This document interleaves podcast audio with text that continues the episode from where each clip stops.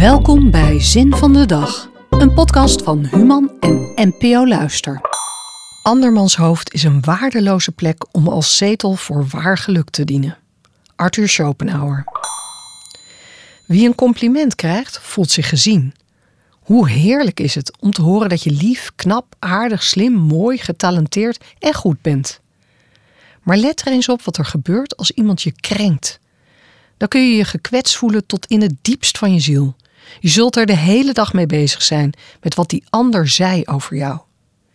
Het is daarom raadzaam, zei de Duitse filosoof Arthur Schopenhauer, om niet te gevoelig te worden voor de opmerkingen van anderen over jou. Als je leeft van complimenten, dan maak je je afhankelijk van anderen. Ja, dan woon je in het hoofd van anderen. Maar ach, wij mensen houden zo van complimenten. Het ego moet altijd een beetje opgepoetst. In 1851 schreef Schopenhauer in Parerga en Paralipomena een prachtig stuk over de eigenwaan van de mens. En hoe die almaar snakt en taant naar de bevestiging van anderen.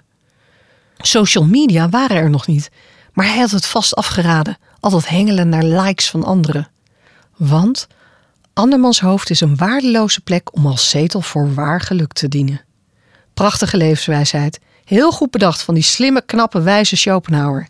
Ik zet je meteen op Instagram en ja, ik denk dat ik daar vast veel complimenten voor krijg. En ik vrees dat ik dat inderdaad stiekem toch veel te heerlijk zal vinden.